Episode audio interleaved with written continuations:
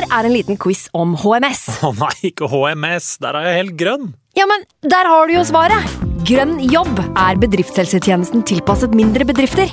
Våre HMS-eksperter hjelper mer enn 8000 bedrifter over hele Norge med alt fra lovpålagte HMS-krav til pålegg fra Arbeidstilsynet. Få på plass bedriftshelsetjeneste på grønnjobb.no.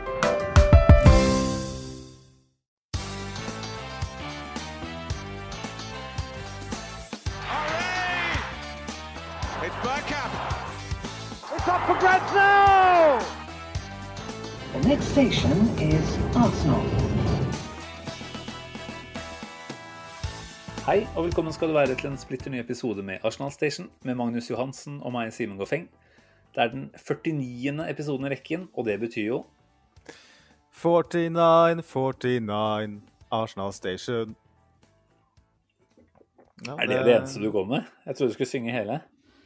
Ja, men altså Vi sparer folk for det. det ja, Jeg tenker at, uh, at nå har de hørt meg synge i tre sekunder, og da, bør, da kan de sikkert vente ti år til neste gang. Det er noen stemmer som gjør seg på tribunen, men kanskje ikke i, direkte Ja. inn i øret til folk eh, på en podkast. Da drukner den liksom inn i, i andre folk som har bedre stemmer. Så, eh, så, så, sånn har det alltid vært. Jeg synger stort sett bare når andre synger, sånn at ikke min stemme blir hørt. I så måte syns jeg dette var tøft, da. Det må jeg jo si. Her er det mange hundre som, eh, som sitter pal og, og nå sitter og ja, har fått et, eh, et dryss av din, eh, ditt talent. Da. Vi vet at du har talenter på mange områder, men, men at også sangstemme var noe du kunne, det, det, var ikke, var, det var nytt for meg i hvert fall. Jeg tipper vel at uh, de som driver plateselskap som hører på, har notert seg det her. Uh, så for all del, jeg kan godt, eh, jeg kan godt stille hvis, det, hvis det er behov for en eh, sopran. Vi får gjøre det vi er best på, tenker jeg. Og det er å prate skit om Arsenal. Eh, dette blir jo en season preview-episode. Vi sitter her en tirsdag kveld. Det betyr at det er tre dager til det sparkes i gang. Eller på dette tidspunktet på fredag så er jo første omgang over, og vel så det. Eh, Vi får prøve å ta litt tempen på hvordan ting ligger an eh, per nå, men må vel bare si det som så enkelt at det er ikke vits i å gjøre noe endelig vurdering av stall og den type ting før eh, overgangsvinduet er ferdig. Vi får lytte til Edu og Mikkel som sier at ikke vi skal dømme dem før etter overgangsvinduet, så da får vi, som de pliktoppfyllende gutta vi er, høre på det, og heller gjøre en vurdering av hva vi hva vi tror blir utfallet på ulike parametere, og komme noen eh, kvalifiserte spådommer. Da. Det er vel det vi har eh, som plan her i dag. Ja, det, er, eh, det blir veldig enkelt, enkelt i dag sånn sett. Vi, skulle vi ha spådd ut ifra den stallen vi har i dag, så tror jeg det kunne blitt en ganske dyster episode, rett og slett. For vi er vel enige om at, at noe må skje før 1.9. eh, for at lokkene på tablettesken i medisinskapet skal få bli på eh, lengst mulig i løpet av, løpet av sesongen. Så da er det vel egentlig bare å, å, å prøve å pro, pros, prosjektere litt fremover i tid og tenke hva er det vi tror kommer til å skje, og ut ifra det eh, sette opp en eller annen form for eh, vill gjettekonkurranse. Ja, det er vel riktig begrep å bruke. Vill gjetting. Det er det vi er best på her. Eh, Jeg husker ikke hvordan disse spådommene våre traff i fjor. Jeg. Vi burde sikkert ha gått tilbake og sjekka fjorårets episode, og da fått bekrefta at dette burde vi bare slutte med, for vi var sikkert langt, langt unna. Eh, Jeg husker jo med det på stående fot her at jeg faktisk hadde Arsenal inn i topp fire da, i fjor. Jeg Husker ikke helt hvor i topp fire. Eh, Du i kjent stil var litt mer pessimistisk og eh, fornuftig, da, viste det seg jo. Eh, hvor var det du tippa dem i fjor, husker du det? eller? Nei, jeg husker faktisk ikke det, men uh, jeg er ganske sikker på at det var maks femteplass i hvert fall. Mm. Uh, Jeg hadde dem ikke inne, inne topp fire. Det, det jeg vet Jeg tippa var at vi kom klart foran Tottenham. og Bomma på det, og da tenker jeg at da, er, da har vi mislyktes totalt. Uansett. Mm. Så jeg vet ikke om vi skal avsløre noe ennå, men uh, den blemma håper vi ikke går på igjen. Nei, Vi kommer jo til et uh, ordentlig tabelltips. Vi tar vel et, uh, et fullstendig tabelltips også denne gangen, bare for å liksom ha det. Alle seriøse aktører har jo et ordentlig tabelltips.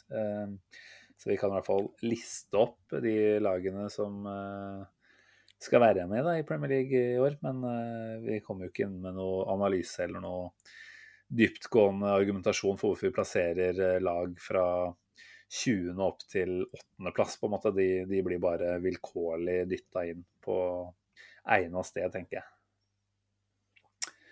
Men eh, hvordan skal vi starte dette her, da? Eh, det er jo mange, mange spørsmål som vi må prøve å besvare eh, så godt som mulig. Hvordan vi tror at det ender opp. Er det sånn at vi bare skal gå rett i gang eller med spådommer, eller trenger vi å ta noe, noe annet først? Jeg vet ikke, Simen. Også Vi kan jo kanskje redegjøre litt for forutsetninga som er lagt til grunn da, for for de spådømma som kommer. Eh, for min egen del så kan jeg jo si at eh, jeg vil tro det kommer inn en offensiv midtbanespiller. Mm. Skulle jeg gjette, det her er jo en gjettekonkurranse, så ville jeg gjetta på Martin Ødegaard. Det er en del eh, røyk fra Span Spania nå i, eh, i aften. når den episoden her er i eteren, så kan det godt hende at folk vet mer òg, men det virker som som de spanske mediene er ganske samstemt nå om at, at det er en del usikkerhet. Mm. Så da tenker jeg at vi får inn kanskje en Martin Ødegaard. Vi får inn en, en backup-keeper som ikke er islandsk og har såpehansker og så videre. Halleluja. Nei, vi må jo bare ta med der at Sheffield United spiller jo ligacup i kveld. Ramsdale er ikke med der, som gjør at han da er tilgjengelig for en eventuelt ligacupkamp, eller rekke med ligacupkamper for Arsenal. da når mm. eller om han skulle komme. Stemmer. Det er viktig å få med. Det kan godt være at det er han som kommer inn der. Og så får vi se hva som skjer ellers, men jeg, jeg vil jo kanskje tenke at det er det som, mm. som kommer til å skje. Vi har litt for mange høyrebekker, og vi har litt for mange spisser. Og Det er de to andre posisjonene vi kanskje ser for oss det kan, for at det kan, kan skje noe. og da da tar vi utgangspunkt i det. Ja. eh, I hvert fall jeg, nå. Jeg, så folk har det i mente når, når de hører at jeg hudfletter og sager og osv. osv. Eh, gjennom episoden. Ja. Nei, jeg tenker det er også i forhold til det tabelltipset vi kom med til slutt, så, så ja, man må egentlig ta utgangspunkt i det som skjer nå, men, eller det som er status per i dag. Men uh, det er klart når vi nå etter sigende selger Joe Willoch til Newcastle, så nekter jeg å tro at vi gjør det uten å ha i den grad man kan være 100 sikker, i hvert fall eh, nesten være helt sikker da, på at uh, vi får inn en, en, tier der. For det er klart uh, Joe Willoch hadde jo vært i hvert fall noe å sette inn mot slutten. By få, få noe annet på bordet da, når vi trenger scoring fra det 70. utover. Og det, det, jeg mistenker at vi kanskje kommer til å trenge litt mål mot slutten av kampene framover. Så, så, det å vite at vi har noe ekstra der, det, det er jo alfa og omega kjempeviktig. Og da klarer jeg ikke å tro at vi lar Willoch gå uten å, uten å ha noe på plass omtrent. da. Så nå kan det se ut til at det blir Ødegaard. Eh, det får vi i så fall komme ordentlig tilbake til i en, en ny episode. For det er klart, henter vi Ødegaard enten på et sesonglangt lån, men kanskje det som også da er et lån med et, eh, en kjøpsklausul, eller kanskje til og med også en, en direkte permanent overgang, det, det, skal jo få litt ekstra oppmerksomhet, da. Ja, det er klart. Og øh, vi, vi, vi, kommer jo til å sitte nå med frynsete nerver, eh, avspiste negler og osv. fram til deadline. Det er å håpe at det skjer et eller annet. Eh, men eh, vi kan jo starte, Simen, med å stille et enkelt spørsmål uh, til deg. Før vi går i gang med det mer sånn mekaniske. Det er hva er en godkjent sesong for Arsenal? vi tar det med en gang, altså, bare for å ha det klart. Det er greit. Eh, jeg tenker at vi må ha noen framskritt fra i fjor, helt åpenbart. Eh, jeg velger å ta først og fremst utgangspunkt i det som skjedde fra jul og utover. Og da var vi ligaens tredje beste lag, var vi vel. Jeg tror ikke vi kommer til å være ligaens uh, tredje beste lag totalt sett etter denne sesongen. Uh, og heller ikke det, fjerde beste, sannsynligvis. Men jeg tenker vi må, vi må se at mer eh, av det offensive spillet henger sammen, og at det er en bedre plan over det. Og at spillere, forhåpentligvis i hvert fall, er i posisjoner hvor de, hvor de får vist seg fram eh, på sin beste måte. Eh, jeg syns jo først og fremst at Arteta er en dyktig fotballfyr og sitter med veldig mye bra. Tyder jo alt på at han gjør, men har jo stussa litt over en del av de valgene han har foretatt seg. Eh, dette med hvordan man bruker Aubameyang var jo selvfølgelig Det var noe han, han, gikk mer og mer bort fra utover sesongen i fjor, men det var der. Og hvordan han prioriterte eh, å tenke på den venstreback-posisjonen da Tieren var ute, det er også sånne ting som Det er lett å ta på ettertid, selvfølgelig, men jeg tror det er mange som også i forkant av det så at dette ikke var en optimal løsning. Da. Så jeg, jeg håper på en måte at jeg ikke sitter med altfor mange sånne Hva er det du gjør nå, Arteta? Eh, at jeg liksom føler at vi Ikke at jeg nødvendigvis har de beste tankene, men, men det er noe med at uh, iblant så framstår noen ting bare litt for som en galmannsverk. Da. Jeg håper jeg ikke får for mange av de opplevelsene.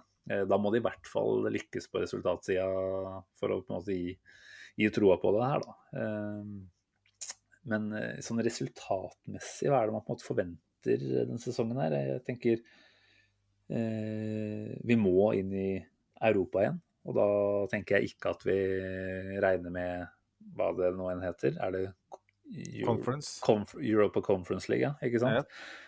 Sånn leketulleturnering som bare har blitt laget for uh, de ordentlige drittlaga.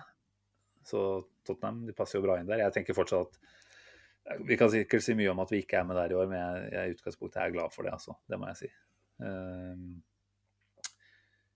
topp seks, det tenker jeg vi skal uh, ha som et uh, mål, altså. Uh, vi er en Det er klart, landskapet i Premier League nå er knalltøft. Topp fire ser ganske satt ut sånn i utgangspunktet. Tottenham er en stor klubb. Everton er jo Hva sa du nå? Hva sa du? Tottenham er en okay, det er faktisk helt krise av meg å komme med. Unnskyld. Beklager til alle. Men, eh, men, eh, det er mange andre som ønsker å være med der oppe, og det er, det er ikke lett. Men, men, vi ønsker, og vi liker å se på oss som en ordentlig, ordentlig storklubb. Og, og det å da ikke være engang i Europaligaen, det tenker jeg er helt klart for dårlig. Og det å på en måte akseptere det eh, Kanskje da i form av ved å tillate at Arteta også en sesong til dersom han kommer utenfor. Det, det sliter jeg litt med. Så en topp seks-plassering, forhåpentligvis være med i diskusjonen om en topp fire en god stund, i hvert fall. Uh, som du var inne på før sesongstart Nei, ikke før sesongstart, men før uh, vi begynte å spille inn her. Så, så har vi tross alt ikke noen andre Vi kan jo få en FA Cup-run selvfølgelig mot slutten av sesongen, men ikke noe Europa å holde oss underholdt med. Da. Så klart har vi lite å spille for i ligaen, så, så kan det jo bli en ganske trist greie utover eh, sesongen. Så det å være med eh, utover, det er viktig. Ha et offensivt spill som gir oss flere mål, rett og slett. Det er jo mm. Hva var det vi landa på i fjor? Det var noen og 50 mål.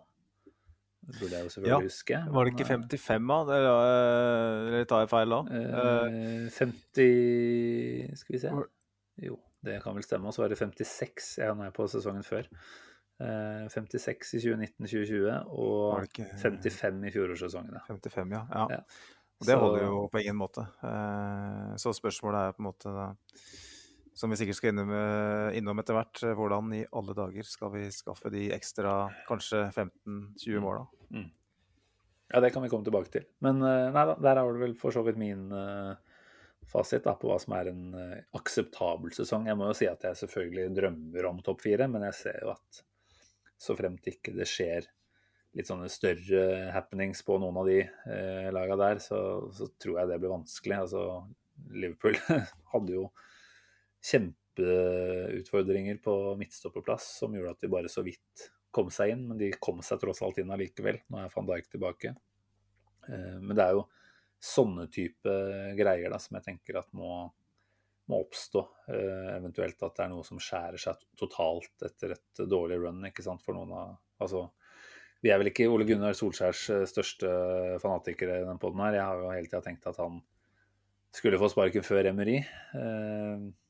Det, det, skjedde jo absolutt ikke. Men jeg sitter jo fortsatt og venter litt på at han blir avslørt. Da. Og det er klart med de signeringene de har gjort nå i, i sommer, med det laget de har fra før av, så, så, har jo han et press på seg. Og det er klart at kommer de inn i en dårlig run og det blir litt uh, murring, så, så, ser jeg for meg at han kanskje ikke nødvendigvis er han, den som står best i det, selv om det skal sies at han har snudd skuta ved et par anledninger tidligere. Uh, mm. Men uh, nei, topp fire virker svært vanskelig. Og vi har utfordrere i Leicester, i, sannsynligvis også Tottenham, selv om ting ikke er helt som det skal være der. Eh, Aston Villa er det jo spennende å se hva får til framover. Så jeg er veldig usikker på hva jeg skal eh, forvente. Eh, hva tenker du? Er det en akseptabel ja, det er så, så godkjent eh, sesong, det må vel være at vi eh, hva skal jeg si, havner vi på sjetteplass eh, bak et Leicester, eh, eller bak de fire store, da, for å kalle det det, mm. eh, per nå. Og et Leicester som fortsetter på samme måte og kanskje har en progresjon. Så, så, så er kanskje det godkjent. da. Eh, det forutsetter at man ser en progresjon. Det forutsetter at, eh, at vi skårer flere mål enn vi gjorde i fjor. At vi mm. tar flere poeng enn vi gjorde, gjorde i fjor. At man ser at man er på vei noe sted. Det må være det aller, aller viktigste. Um, og så, så, tenker jeg jo at uh, det som skjer nå fram til uh, eh, 1.9, kommer til å være med å diktere det òg, nesten mm. uavhengig av hvor vi havner. Uh, hva slags ambisjoner finnes i klubben, hva slags planer finnes i klubben. hvis vi på en måte snubler oss til en sjetteplass og kommer til Europaligaen, men man ser de samme problemene i, i det offensive spillet, så er det ikke nødvendigvis en godkjent sesong, selv om hovedobjektivet er oppnådd. Ehm, mm. Det er mange variabler som må hensyntas. Og som du sier, eh, topp fire det, det, det, er eh, Nå er det spoiler-alert eh, her, da, selvfølgelig, med tanke på tabelltipset. Men topp fire det er en litt fjern drøm akkurat nå. Mm. Men vi må ha i mente at det er sjelden at alle forhåndsfavoritter innfrir. Mm. At ett av de fire laga skal få store problemer, det er det en viss sjanse for. Jeg tror ganske så sikkert at City kommer til å, å være topp to. Uh, igjen, la oss ikke uh, lage for mye spoilere her, men også at, uh, for å si det på en annen måte, City kommer nok sannsynligvis til å bli umulig. Mm. Det er et for bra og solid lag. Chelsea, samme Chelsea, ikke sant. Per nå egentlig Det er så mye bredde, det er så mye kvalitet. men Liverpool og Manchester United, spesielt sistnevnte, mm. det er klubber som man ser svakheter ved. Da. Man ser at det er noen hull her og der. Man ser at, at Liverpool har en del spillere som kanskje er litt utbrent, som viste svakhetstegn i fjor. Som er litt mer sårbare for skader. De har mista Wijnaldum. Eh, mm. Manchester United har en manager som kanskje ikke er taktisk på samme nivå som sine likemenn eh, i, i toppen av Premier League. Så at en av de klubba kan få en vanskelig start og kanskje etter hvert eh, en vanskelig sesong, Mm. Så gjelder det for Arsenal å, å, gjøre sin del av jobben. Så får vi bare se hvor langt det tar, tar, tar oss. Men uh, det er jo det enkle svaret. Uh, jeg forventer at vi gjør vår del av jobben. Ja. Uh, vi, vi, må jo bli bedre. Altså vi, hvis vi, det er ikke en konkurranse mot oss selv i Premier League, åpenbart. Det er en konkurranse mot de andre. Men vi må også se at vi har blitt bedre. Vi landa på, som du sa, 55 mål. 61 eh, poeng, som for så vidt var en liten forbedring fra sesongen før, hvor vi havna på 56. Så vi må jo minne om at vi var bare bare eh, seks poeng bak eh, fjerdeplassen i år. Eller i forrige sesong. med et helt ellevilt begredelig run før jul. det er klart Det å få luka ut et sånt uforståelig rekke av dårlige resultater, vil jo i seg selv eh, gi noen ekstra poeng, da. For vi var på en måte bare sånn Vi var, vi var mye bedre etter jul, men vi var jo ikke fantastiske på noen som helst måte over flere kamper der heller, da. Så, så jeg tenker at det er jo mye forhåpentligvis å ta ut fra dette laget her som ikke har kommet eh, til syne ennå. Forvente at uh, yngre spillere som er på en oppadstigende kurve, fortsetter å ta et steg eller to, produsere litt eller mer eh, målpoeng, så er vi jo plutselig der at vi har en del ekstra goller, da. Men, eh, men ja, det er, det er jo helt, helt ekstremt vanskelig å si nå før man på en måte ser helt hva slags oppsetning Arteta ønsker seg òg. Nå har vi jo sett Aubameyang på venstreflanken noen treningskamper. Håper jo tror fortsatt at det kun er for å sørge for at det blir minutter i beina, og at det er i mangel på de andre mer åpenbare venstreflankekandidatene våre.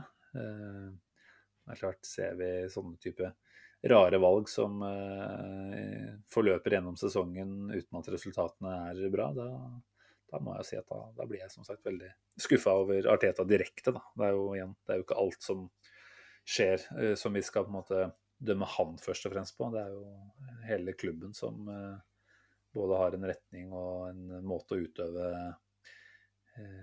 spilleroverganger på som kanskje ikke er så bra som burde være. Så det får jo muligens Arteta lide for til slutt, da. Ja, og det, det har jo vært en, en, liten sånn Som du var inne på før sending, Simen, at uh, det Arteta sa i pressekonferansen etter uh, Tottenham-matchen, uh, hvor han vel, vel, sier da at når han får spørsmål om overgangsaktivitet, så sier han at vi må først og fremst sørge for at det vi har, Eh, utvikles og blir bedre. Mm. Vi må jobbe med det vi har. Og så sa han vel da i mai, eh, ved sesongslutt, eh, at vi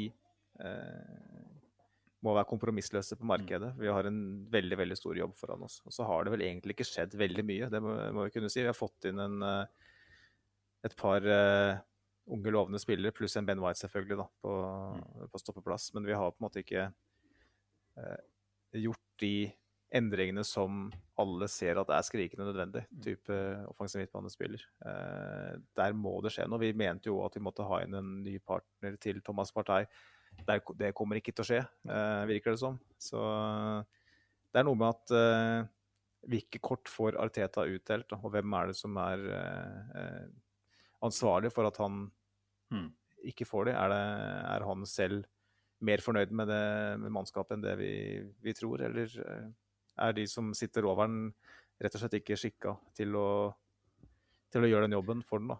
Nei. Og så, eh, tenker jeg at uh, om vi liker det eller ikke, så må jo Arteta være villig til å ta opp seg litt mer av det ansvaret uansett, da, nå som han tross alt har en annen hatt enn det han hadde da han kom inn i klubben. Altså, hadde Arteta kun vært head coach i dag, og vi har såpass mange store spørsmål om det som skjer på uh, spillelogistikkfronten, da tenker jeg jo Arteta hadde sittet der med, med, mer sympati og forståelse, og sannsynligvis også mer tålmodighet hos eh, fansen.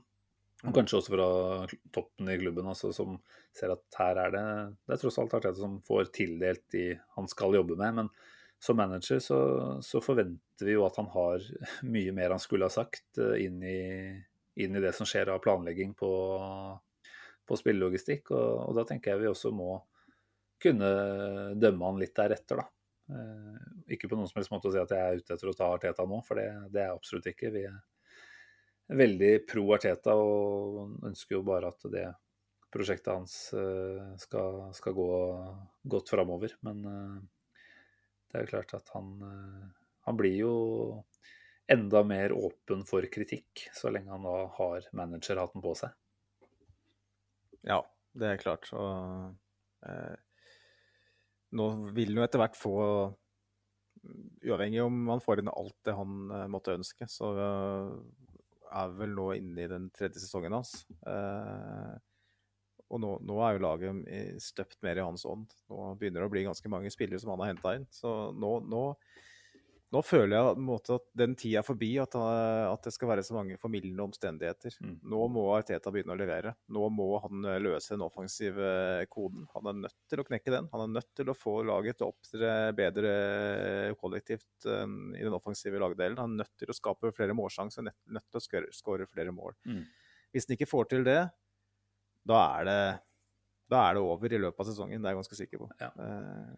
Fordi det er det, er, det, er, så åpenbart at det er skoen trykker. Da. Det er ikke nødvendigvis at det betyr at vi må ha en spiss eller en offensiv midtbanespiller, men dynamikken i laget må endres på et vis som gjør at vi skaper flere målsjanser. For det, vi har sett en del i preseason nå. Eh, selv om vi har nok skapt en del mer sjanser nå enn vi er vant til eh, kanskje fra Premier League, så, så, ser du liksom litt av den samme dynamikken. Da. At ballen havner litt for ofte mm. ut på kanten. og Det mangler de der eh, kombinasjonsspillere sentralt som, som du tidvis så når Martin Ødegaard og Smith-Roe og Saka spilte sammen. Ja, det er jo godt mulig vi får se nettopp det igjen. Det er interessant å se hvordan man i så fall setter opp dette laget hvis vi plutselig har en Ødegaard og har alle skadefri. Eh, NPP som jo vel per i dag er ganske udiskutabel inn i en startelver, eh, men som ikke er den beste kombinasjonsspilleren, og som ikke egentlig er en sjanseskaper, men mer en som dukker opp og, og kan, og kan score selv. da. Eh, nei, det blir, det blir, spennende. Men eh, vi har jo mange spådommer vi må innom her, Magnus. Og nå har vi prata en mm. stund allerede, så kanskje vi bare skal uh, fyre løs med de. Hva starter vi med, da? Ja, jeg har jo på en måte litt lyst til å gå høyt ut, jeg, da. Og, og gjette på hvem som blir årets spiller. Eller er det ja, som vi burde spare til slutt? Nei, altså det spiller jo egentlig ingen stor rolle. Det, ingen, det kommer ingen og banker på døra vår i natt hvis, eh, hvis vi har tatt feil rekkefølge. Så eh, vi kan godt starte der. Vi bestemmer rekkefølgen. Vi er uh, sjefer her på båten, så det er deilig. Da. Selvstendig podkastdrivende sjeler. det er jo noen åpenbare kandidater i mine øyne. Og det er klart dette med skadehistorikk og sånn må man jo kanskje ta litt hensyn til da, når man skal uh, gjette på en. Altså har man en uh, Smith-Roe tilgjengelig hele sesongen, så, så, heller jeg nok mot at han fort kan finne på å være årets spiller. Eh, faktisk. Eh, det er i hvert fall den, den, jeg har tenkt meg fram til. Og ikke nødvendigvis at han skal være den som skaper mest målpoeng eller skårer flest mål direkte, men jeg tror han ved å være tilgjengelig han gir så mye kreativitet, altså både i pasningsspill, men også i måten han beveger seg på. Det er, det er, han unlocker så mye i dette laget her ved å, ved å være en, en, drivende kraft som beveger seg rundt på banen. Og jeg tenker at han eh, har vel kanskje også tilsynelatende fått beskjed nå om å ja, gå for eh, å øke målproduksjonen sin. Jeg tror at han er så talentfull at det kommer han til å klare òg.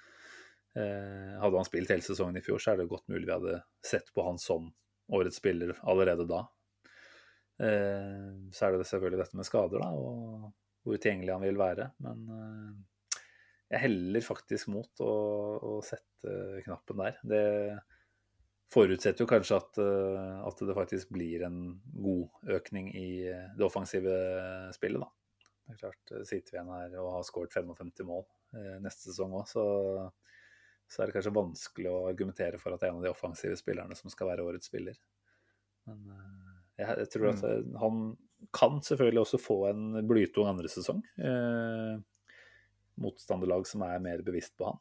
Eh, men jeg liker mye av det jeg har sett av han til nå i preseason. Og må jo si at jeg syns det var veldig tøft av han å gå og spørre om den eh, nummer ti-trøya tenker Han framstår som en veldig forsiktig fyr, egentlig, men jeg tenker at her, her bor det et killerinstinkt. da, Og jeg tror han uh, kommer, til å, kommer, til å, vise enda, enda mye mer uh, den sesongen som kommer. Ja, jeg følger resonnementet ditt uh, veldig. Um, jeg har satt opp en annen en. jeg ble nesten usikker. Det er godt det, er, det er jo en som vi var inne på, en gjettekonkurranse nærmest. Ja. Og, vel, det er ikke en konkurranse, det er en gjettelek. Nei, det er en konkurranse. Det blir straff ingen... på taperen. Ja, OK. Da er jeg spent på å høre hva det er. Ja, Det kommer vi tilbake til når vi ser hvordan eh, ting ser ut i mars. Den som vinner, bestemmer straffen, er det ikke sånn? Yes. Um, jeg har satt opp en spiller som jeg mener kanskje egentlig er for ujevn til å være en kandidat til en sånn pris, uh, men allikevel så satte den opp. Mm. Uh, fordi jeg liker så godt uh, utviklingen hans under Ariteta. Og det er Nicola Pepe. Mm.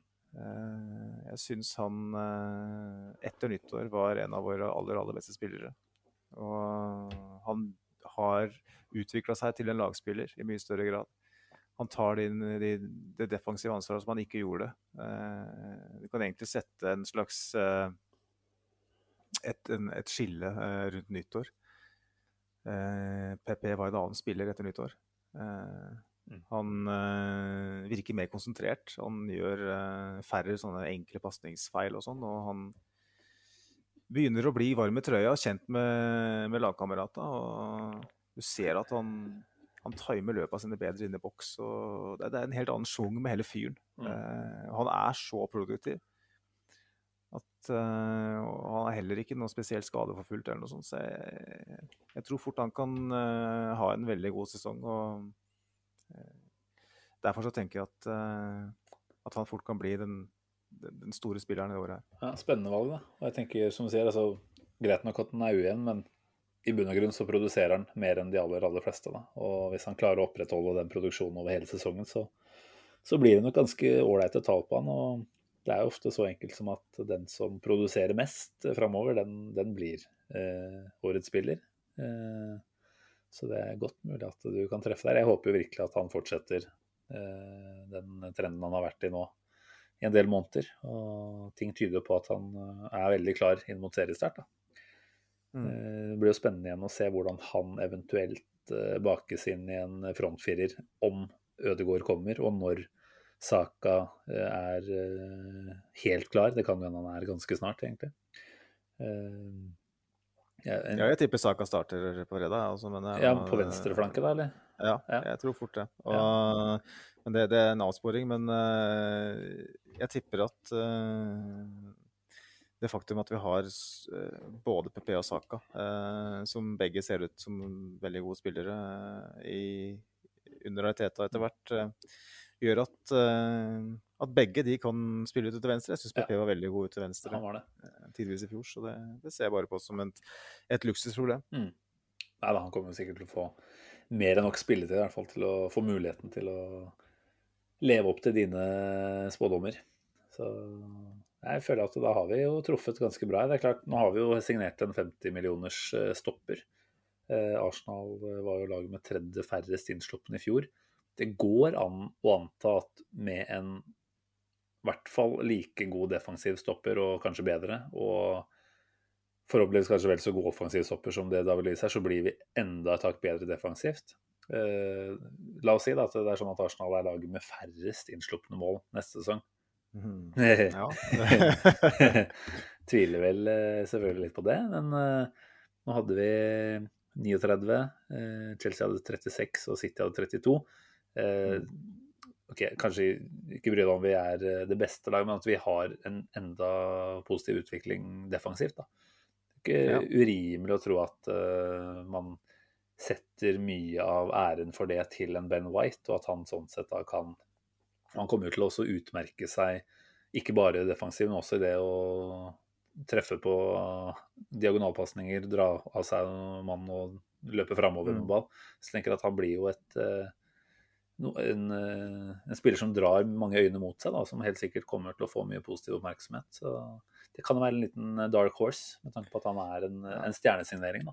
Han blir sikkert månedens spiller eh, i august, og sånn, for det blir alltid nye forsvarsspillere i Arsenal. Eh, kan jo nevne i fleng med Colo Toré og Kolasinac og Skodran. Gabriel og ja, Mustafi. Ikke sant? Det, det er egentlig et dårlig eh, Med unntak av Toré, da, så er det ofte et dårlig tegn. Hvis, eh, Fikk Colasinac den også?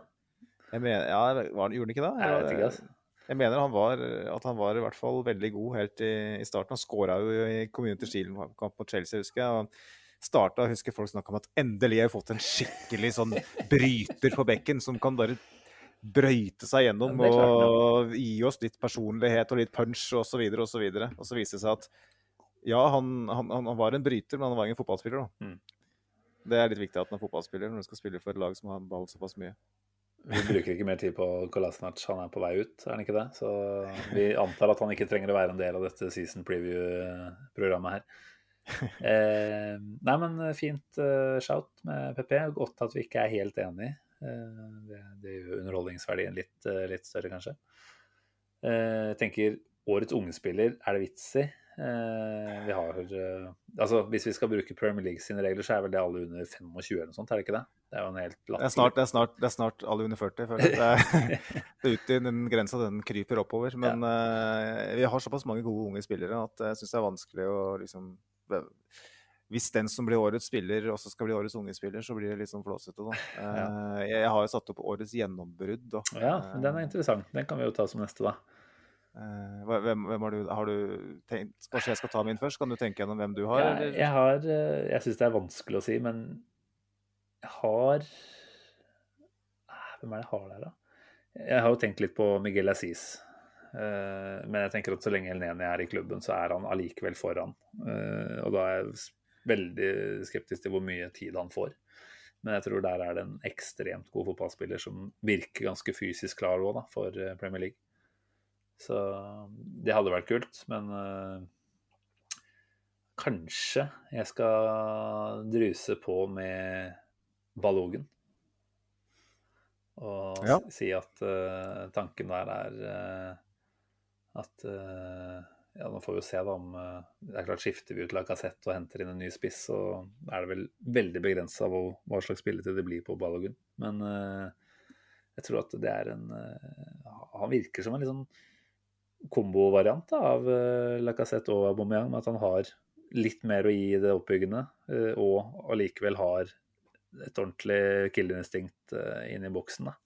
Mm. Tenker at han Igjen, det er veldig spennende å se hva slags muligheter han får. Men uh, uh, ja, får han noen muligheter, så tror jeg han fort kan være en som, uh, som skårer en del mål. Altså. Og da skal det ikke så mye til før vi ser på han som et gjennombrudd.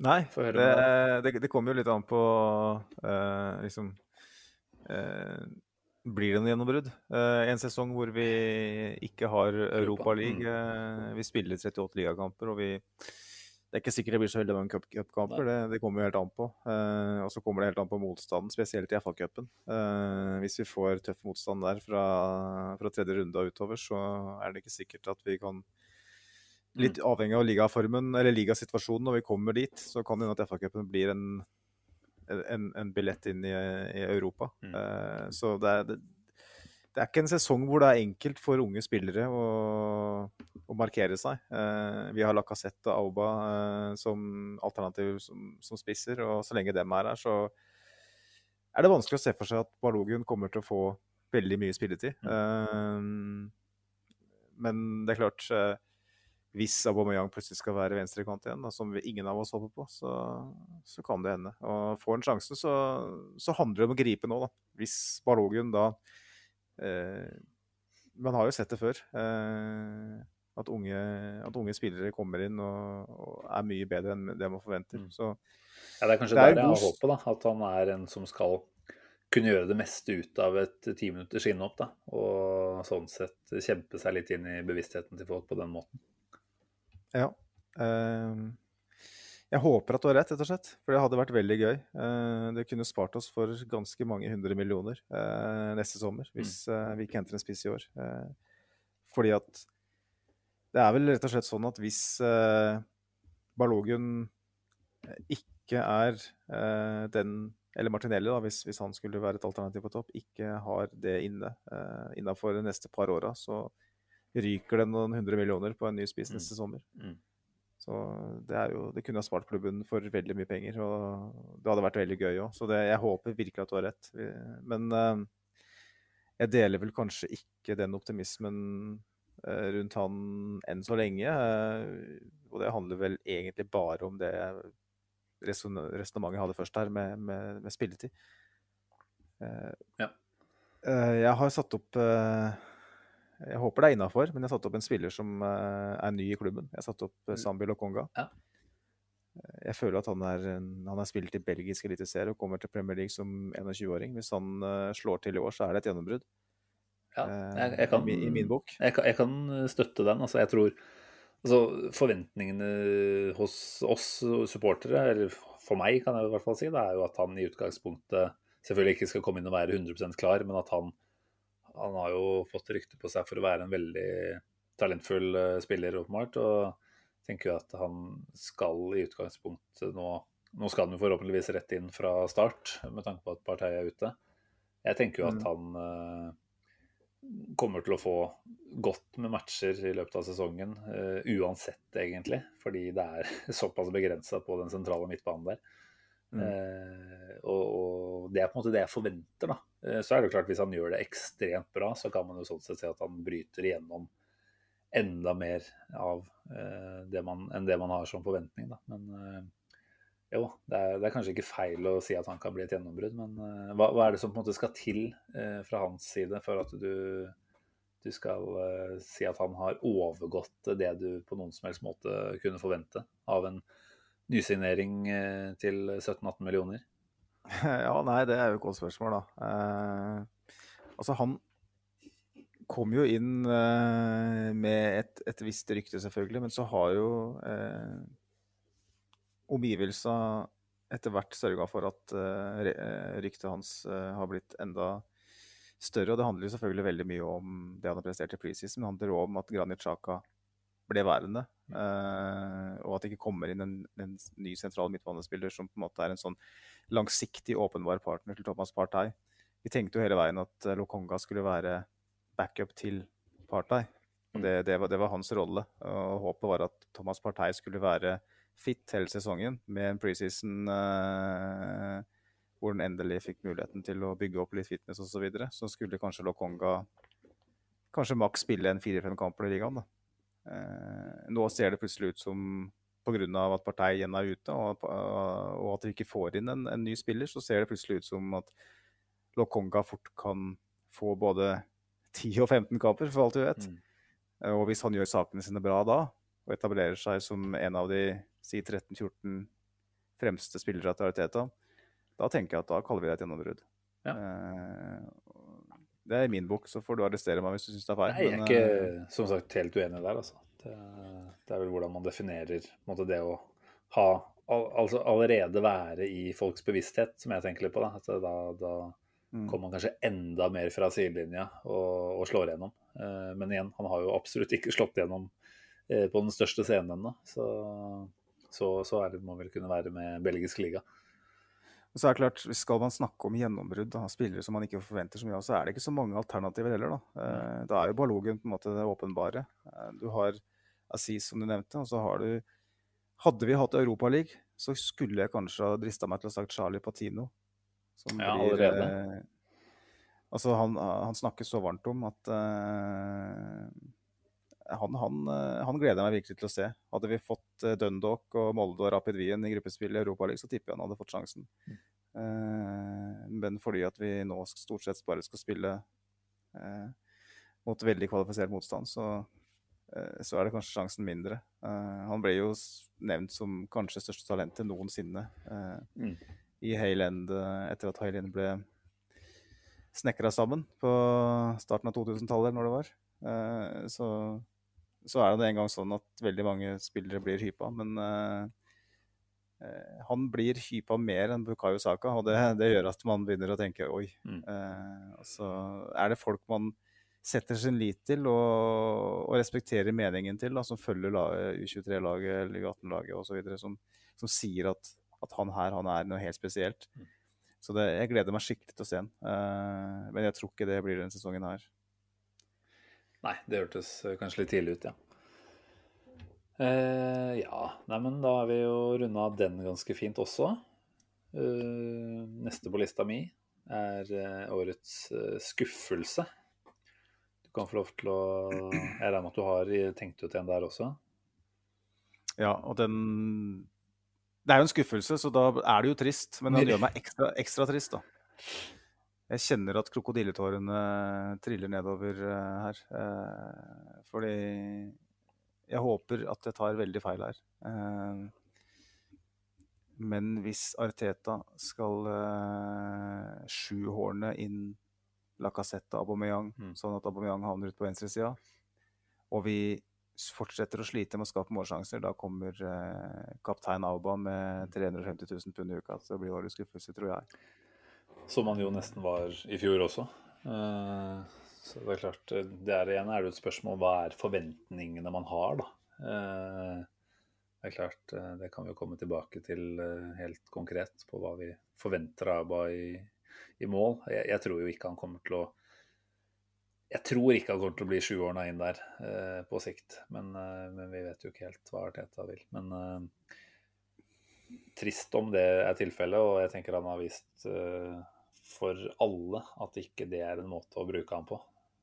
Og det er jo mer en skuffelse på Artetas vegne, tenker jeg, da, hvis han skal vi si, misbruker Aubameyang der. I et lag som skriker etter en målskårer.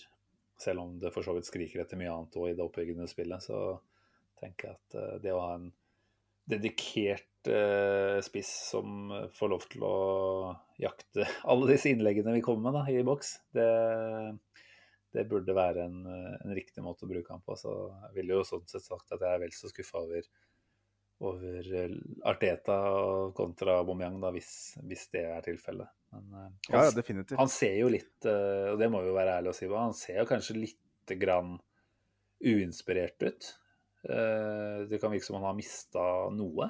Om det er fysisk eller uh, mentalt, det er ikke så godt å si. Men uh, føler liksom ikke at han er like heltent da, som han var for et par år tilbake. Nei, men jeg, jeg, tror, jeg tror, ikke det er fysisk, jeg. Altså. Jeg, jeg tror det, det, handler om at uh, Altså, han er en veldig begrensa fotballspiller sånn totalt sett, men han har en spisskompetanse hvor han er helt ekstrem. Og når man da ikke spiller på den ene styrken hans, og han er en ledestjerne, han er kaptein, han har den lønna han har. Og så blir han på en måte nærmest eh, ofra litt, da, mm. på et vis. Eh, så, så, tror jeg det påvirker han. Eh, og det er, det er, mye som tyder på at eh, med tanke på den forsentkomminga og alt sånt som foregikk mot Tottenham og mm.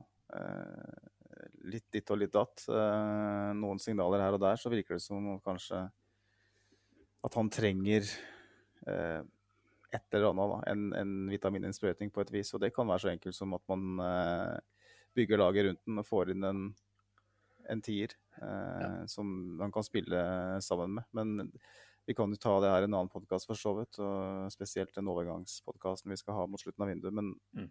hva var tanken for ett år siden, når uh, Aubameyang fikk den kontrakta, når du gir ut en treårskontrakt til en spiller i det alderssegmentet. En sånn sum bare et par år etter at du gjorde den samme feilen med Øzil. Altså, var, var, klubben og Arteta overbevist om at de kunne bygge laget rundt han? Uh, eller var det en, som du var inne på før sending, en avgjørelse som var basert på at Eh, vi skal ikke ta på ansikt her. Vi må bygge videre på den konfettien som uh, svever rundt oss her og nå etter FA Cup-seieren. Det er et eller annet med den prosessen som, som jeg ikke helt forstår. Da. For det, det virker ikke som han, virker ikke som Arteta helt vet hvordan han skal bruke fyren. Og da, da er det galskap. Uh, ja. Og, ja. Sånn Spørsmålet var kjente Arteta han godt nok på det tidspunktet han fikk kontrakten, til å, til å vite helt hva han kunne forvente av ham videre. Jeg vet ikke. Eh, mm. etter å ha spilt i en altså, ganske fast da, i en annen formasjon. Eh, men, men, det er som du er inne på, det er et uh, fokus vi kan ha mer på en annen dag. Uh, men jeg, jeg, følger deg jo, og jeg er ikke nødvendigvis uenig i at Aubameyang kan bli årets skuffelse. Og jeg syns det er litt vanskelig å plukke ut en der, fordi det, altså, det fordrer at du har noen forventninger da, for at man skal bli skuffa. Og mm. når jeg ser liksom gjennom det laget her, så syns det er vanskelig å finne de jeg både har forventninger til, og de jeg tror kommer til å uh, ja, underprestere. Uh, en liten del av meg sier uh, Bernt Leno. ja. rett og slett fordi jeg føler at nå har vi sett såpass mange dårlige opptredener fra han, og usikker opptreden fra han, som, i den utspillingsfasen. da. Og frykter Altså det blir jo veldig synlig da, selvfølgelig hvis det først blir noen eh, blundere. Frykter jo at det eh, er noe han drar litt med seg videre, selv om det er jo en enkel måte å løse det på. Det er å bare kelke den ballen langt ut. Eh, vi vet at Arteta først og fremst vil spille ut, og er Bernt Leno god nok på det? Det tyder vel det meste på at han nå ikke er. og da det er jo en dårlig match, for så vidt. da, At man eh, ikke tilpasser etter, etter de kvalitetene som er hos spillerne. Og igjen, hvor mye forventer vi han? Jeg vet ikke. Eh, en annen som jeg på en måte nå føler at det er mye forventninger knytta til, og som jo, jo hadde en ganske ålreit avslutning på fjorårssesongen, det er jo Granit Xhaka. Eh, jeg føler meg veldig negativ hvis jeg skal inn og melde han som årets skuffelse.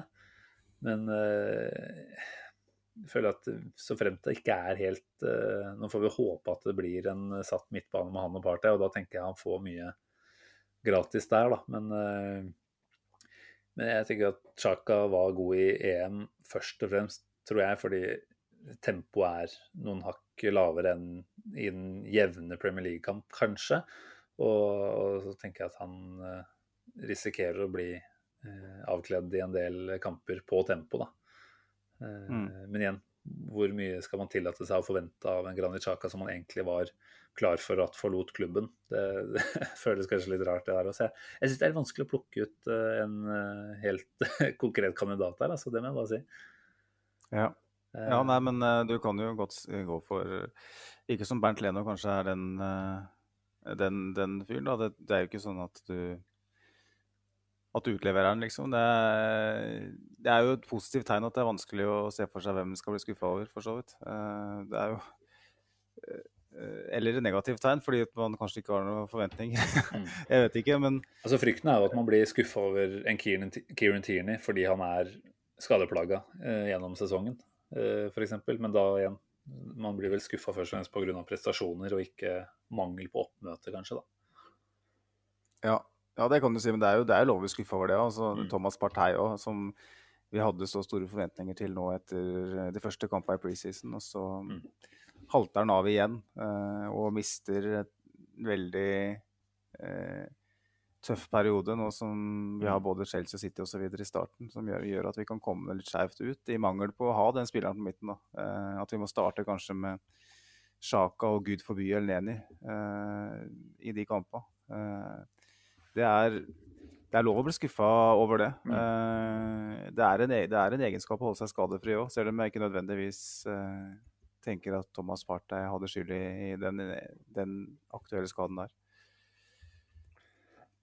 Nei da, det er uh, for så vidt det med å ha investert mye penger i en spiller og sitte og se at han ikke får, får møtt opp på en del av kampene. Det er jo klart det er en skuffelse. Jeg bare syns det er vanskelig å måtte legge for mye av det direkte på, på spilleren.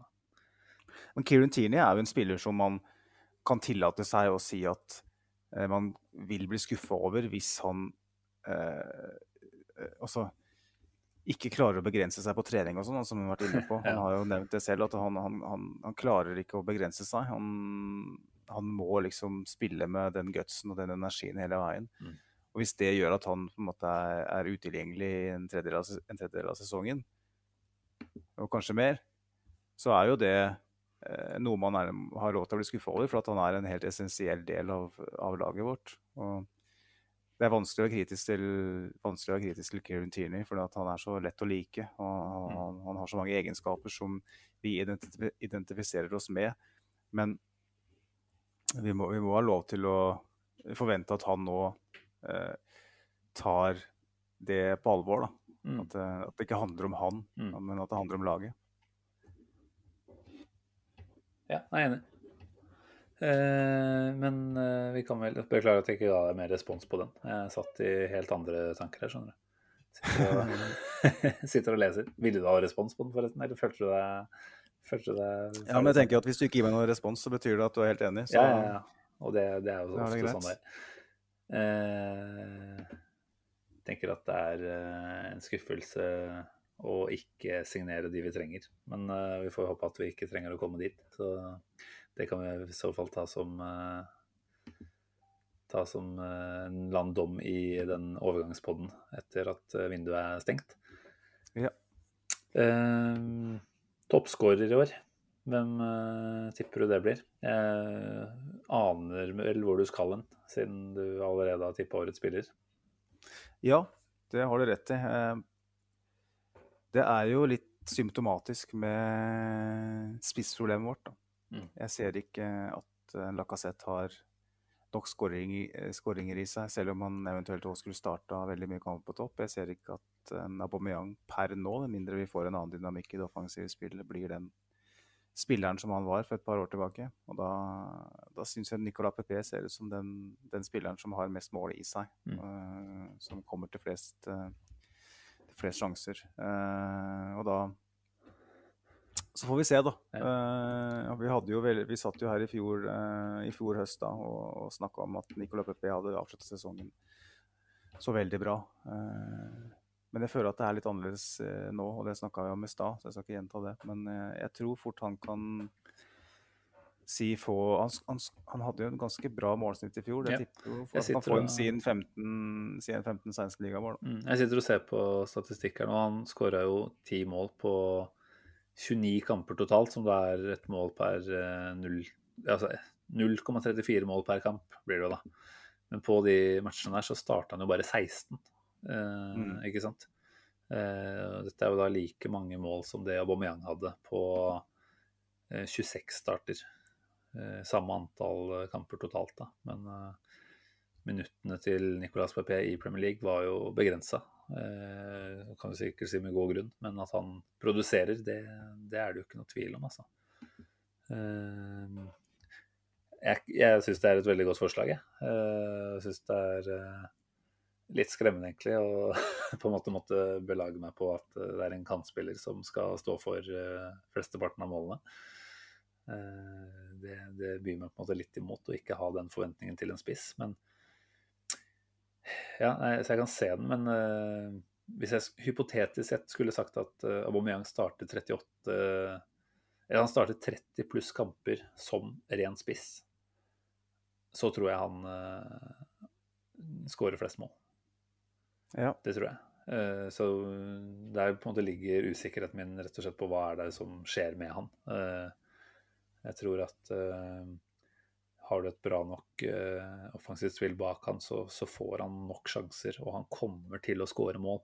Nå har vi jo sett at han har brent de mest utrolige sjanser i preseason. Jeg tenker at det først og fremst er et symptom på at han ikke kommer til nok, og at det er litt for knytt fortsatt. Da. Men at når det blir en jevnere forhåpentligvis produksjon av målsjanser, så, så får han også de målene han trenger for å faktisk få den godfølelsen. Vi har liksom snakka om mange ganger at ah, nå fikk han endelig det målet, nå er han i gang igjen. Men så har Mm. problemet vært at det har ikke vært nok produksjon eh, av sjanser. Og da, da blir det for få muligheter til å, til å brenne de nødvendige han, han må brenne, da.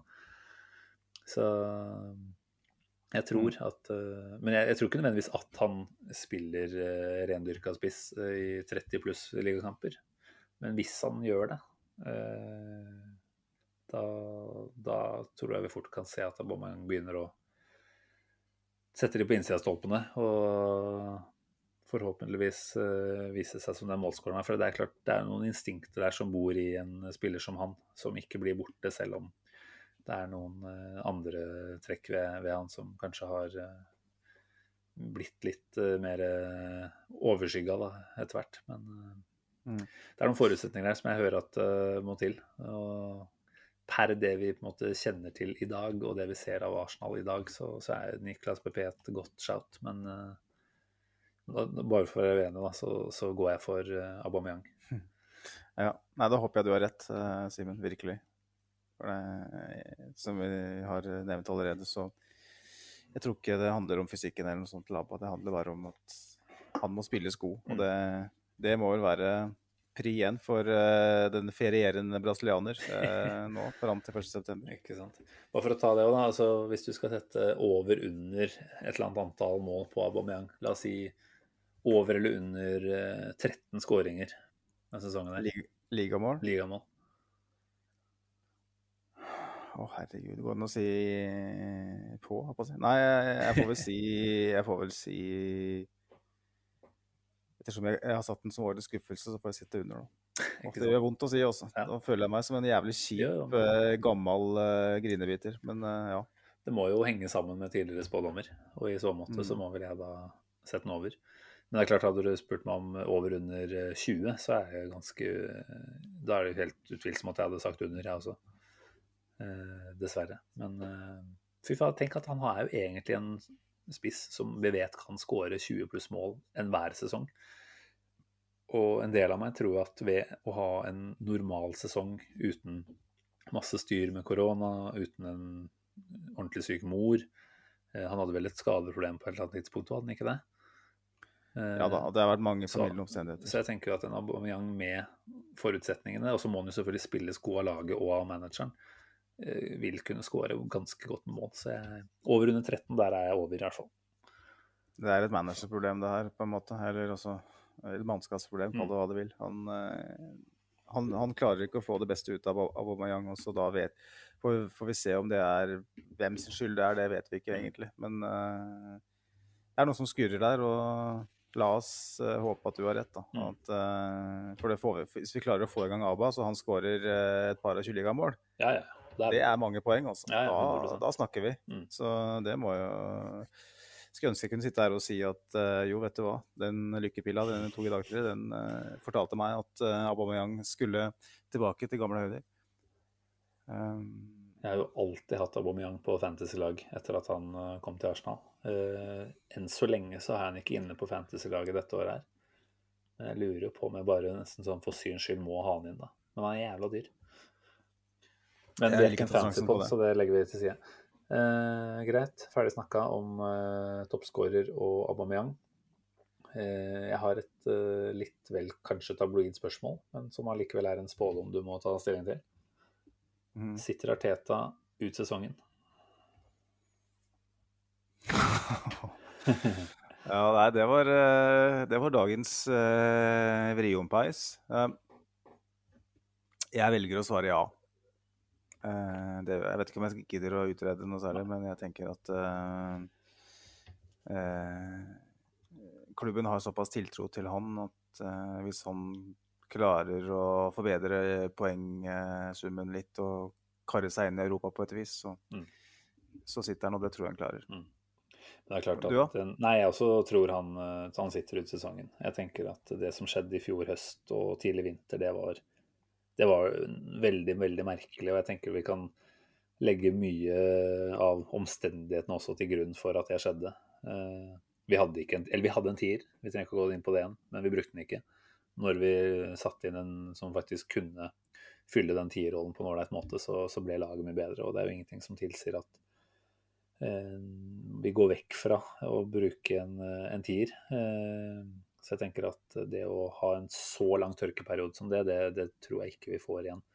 Eh, om vi skulle fått det, så er jeg selvfølgelig redd for at Arteta, eller at klubben måtte gjort noe i forhold til Arteta. For det er klart eh, eh, Noe sånt eh, flere ganger etter hverandre, da begynner man å lure på hvilke, hvilke evner har treneren til å faktisk snu en uh, synkende skute, da. Eh, Istedenfor å la det pågå. Men uh, men det tror jeg ikke. Og jeg tror at han blir sittende ut sesongen og forhåpentligvis da vise at dette prosjektet her er, er noe vi kan bygge videre på. Ja. Har du noen uh, andre, andre, forslag til spådommer her? Jeg har to, uh, to kolonner her som jeg satte opp. Ja. Uh, det kan vi svare raskt på, for så vidt. Jeg har satt opp antall poeng. Ja. Det, da må jeg tilbake igjen og se. Da fikk vi 61 i fjor, gjorde vi ikke det? Mm. Hadde, det holdt til, sjette, det holdt til åttendeplass. åttendeplass. Hvor mange tap hadde vi? Hadde vi ikke 13, 13 var det ikke det? 13 tap. 13 tap, altså. Det kan sies at Sesongen før der så hadde vi jo fem poeng færre, altså 56 poeng, men bare ti tap. Altfor mange uavgjortkamper. Mm. Så er jo spørsmålet hva er problemet vårt? Er det at vi havner under og ikke klarer å komme tilbake igjen? Og, for det opplevde jeg at var et veldig stort problem i fjor. At når vi først havna ja. under, så, så hadde vi altfor lite å stille opp med.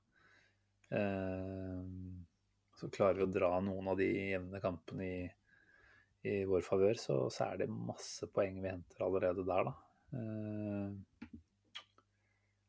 uff. Jeg må jo forvente at Arsenal blir bedre. Det må jeg. Uh, for at det er rimelig å forvente i hvert fall seks poeng bedre. Da er vi oppe på 67 poeng. Noe som uh, i fjor kunne holdt i Champions League. Eh, det hadde vært i så fall på målforskjell eh, mot Chelsea. 67 poeng, da er vi i hvert fall topp seks. Det er jeg ganske sikker på. Mm. Jeg er fornøyd med 67 poeng. Jeg vet ikke helt. For å sette på spissen, da, da skal vi jo egentlig bare ha to seire til kontra fjoråret.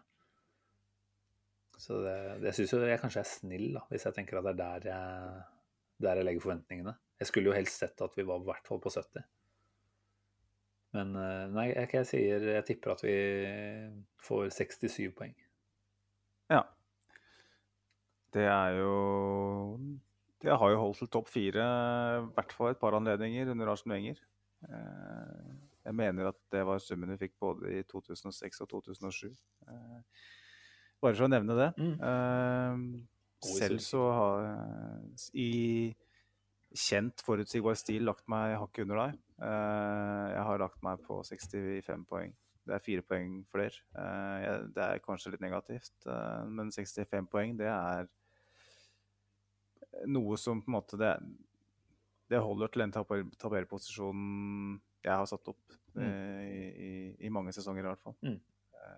Og det, det Jeg føler at en kjempegod eh, signering eller to nå før vinduet stenger kan endre på, på det. Men jeg budsjetterer eh, med et, eh, et helt OK overgangsvindu og tenker at 65 poeng blir der vi er. Og da, da har vi hatt en litt skuffende sesong. Og det er det jeg egentlig forventer litt. Grann. At vi ikke klarer å ta de stegene vi ønsker allerede nå.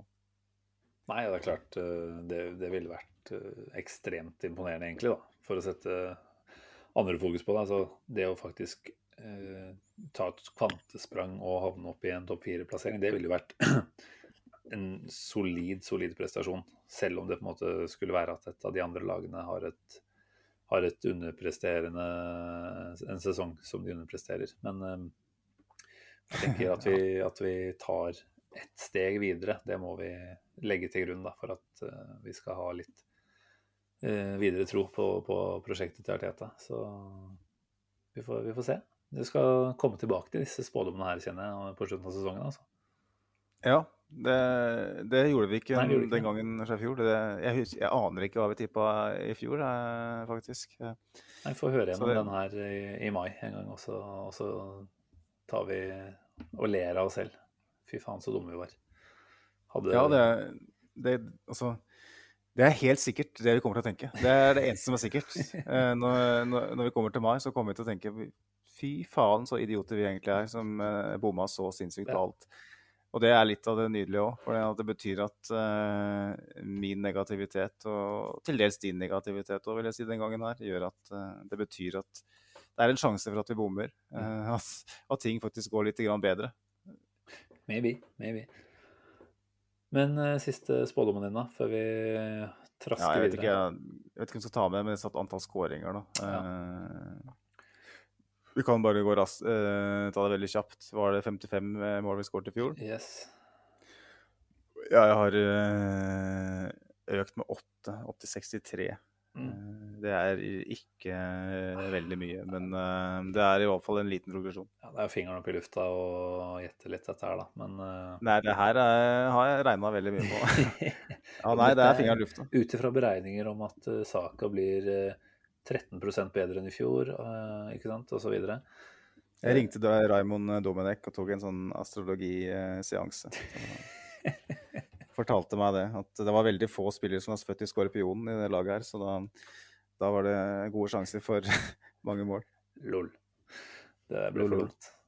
Jeg husker jo referansen din her, altså, bare sånn det er sagt, men eh, Viktig, viktig, det er viktig, hvis ikke så hørtes det veldig dumt ut. Det var dumt. Eller? Nei, jeg aner ikke hva jeg skal tippe her. Jeg sier eh, 67 skåringer. Samme antall poeng. Oi, oi, oi. Ja, det er, et pent tall. Ja, landa på at det er et fint tall. Men eh, nei da, det er, for, det er ingen som uh, hudfletter oss hvis vi bommer tror. Nei, det er ingen som husker det uansett. Det er kun oss eventuelt, hvis vi gidder å høre på episoden igjen. Ja, Vi får se. Eh, men vi må jo Vi hadde jo et lite tabelltips. Jeg ser at eh, klokka går fort her. Skulle vi bare veldig kjapt dratt gjennom det? Og bare sagt eh, eh, 20.-plass, og så sier vi hver vår klubb. Så ser vi hvor vi ender opp her. Jeg føler at det blir mer riktig hvis vi f.eks. starter med topp eller bunn 10, altså tar 10 og nedover. Ja, ja, ja. For det hører starte 20 Det blir, det blir litt sånn mindfuck Ja, det eh, for folk, føler jeg. Hvis du liksom tar det baklengs. Det blir liksom som å skulle lese baklengs i en bok. jo, kanskje. Jeg Da, da får du på en måte poenget presentert først, og så lurer du på hvorfor, hvorfor skjedde det. Ja, vi starter med tiendeplass, da. Uh, ja, det kan vi gjøre. Jeg har putta Og vi bare sier igjen, vi kommer ikke med noe forklaring på disse lagene her, for det har vi verken tid eller kunnskap om. Eh, Westham har jeg plassert på tiende. OK, da har jeg Everton. Ellevte. Brighton. Leeds. 12. Westham. Wolves. 13. Wolverhampton. Brighton. 14. Southampton. Newcastle. 15. Burnley. Burnley. Fint. Endelig. Ja, det er, det Endelig. er, det er, de, de føles som et skikkelig 15.-plasslag. Eh, Det er, det er kanskje det mest sikre av alle her, faktisk. Så, Kom igjen, dra gjennom. da. 16. Yes. Joe Willoch og Newcastle. Ah, ok. Crystal Palace. Patrick Vieira holder eh, klubben i Premier League, men er det nok til å imponere eh, de som ønsker han inn som Arteta-erstatter? Tvilsomt. Det var 17.-plassen din? eller? Det var 16.. Det var, sei- det var 16, ja. ja. Så, nei, sorry, der avslørte jeg meg nesten. Eh, 17. 17. der har jeg Patrick Vieira og, og Palace. Ja. Sa 15. 18. Da aner det meg at vi er enige om hvem som rykker ned. Ja, for plasseringa, da. Jeg har eh, Brentford på 18. Akkurat det samme. Brentford på 18. 19. Watford. Norwich. Ja, OK, der er vi uenige. 20. Norwich. Der har jeg Watford. Så vi har bestemt oss for at de tre som rykka opp, skal rett ned igjen. De skal rett tilbake i heisen og dundre ned i championship. Det skjer vel veldig sjelden. Det, Det har skjedd, men det, det er vel kanskje bare én gang eh, som jeg kan huske. Jeg husker ikke spesifikt hvilken sesong det var, men jeg vet det har skjedd i hvert fall én gang. Uh, men uh, det er klart, det, det kommer sikkert ikke til å skje. Uh, men samtidig så altså. Normalt sett så, så er det jo en av de nedrykkslagene som utmerker seg. ikke sant? Som tenker at, Sånn som Leeds i fjor. Vi skjønte jo at de kom til å klare seg. Eh, I år så er det litt sånn at ingen av de lagene utmerker seg, så det er ikke, det er ikke dumt tippa, tror jeg. Det, får vi for så vidt se. Det stemmer, det. Eh, Topp eh, ni, da. Topp ni, ja. Skal vi starte øverst eh, da òg, sikkert? da? Skal vi det? Det her. Ja, jeg tror vi er eh, ganske enige om toppen, så der kan vi jo bare slå fast med en gang at City ser forbanna sterke ut. Det eneste som kan være der, er at hvordan skal de få plass til alle disse her? Nå selger vel fort Bernardo, da.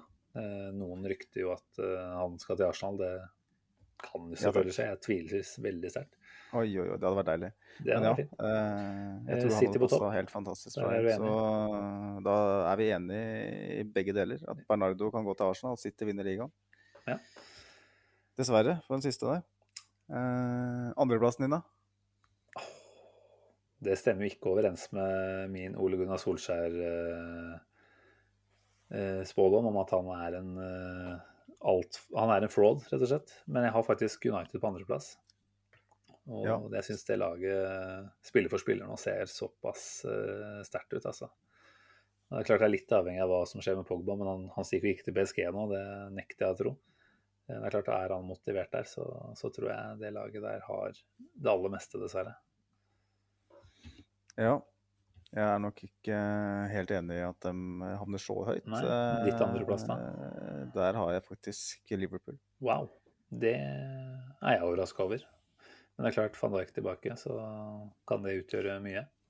Liverpool har Jørgen Klopp, og det, det føler at det er At det Hvis Liverpool er Hva skal jeg si, ja, ikke er like uheldig med skader og sånt som var i fjor, så, så har de et nivå inne som gjør at, eh, at de skal klare å være det som er nærmest City, da, i mine øyne. Mm. Selv nå, i, over, i løpet av en lang sesong. OK. Eh, tredjeplass, Der er Chelsea. samme her. Eh, det er klart, med Lukaku inn der, så, så begynner jo det laget også å se ganske komplett ut, da. Men eh, det, det kan man i hvert fall si at eh, de fant jo én måte å spille på med Kai Havertz på topp. Eh, det blir ikke samme måte å spille på med en Lukaku på topp. Jeg kan selvfølgelig si mye godt om målskåreren Lukaku, men eh, det er en del andre sider av spillet han kanskje ikke bidrar eh, på samme måte som en Havertz gjør. da. Så vi kan jo håpe at han kommer inn og ødelegger det som etter hvert ble en ganske god dynamikk da, mellom de offensive spillerne der.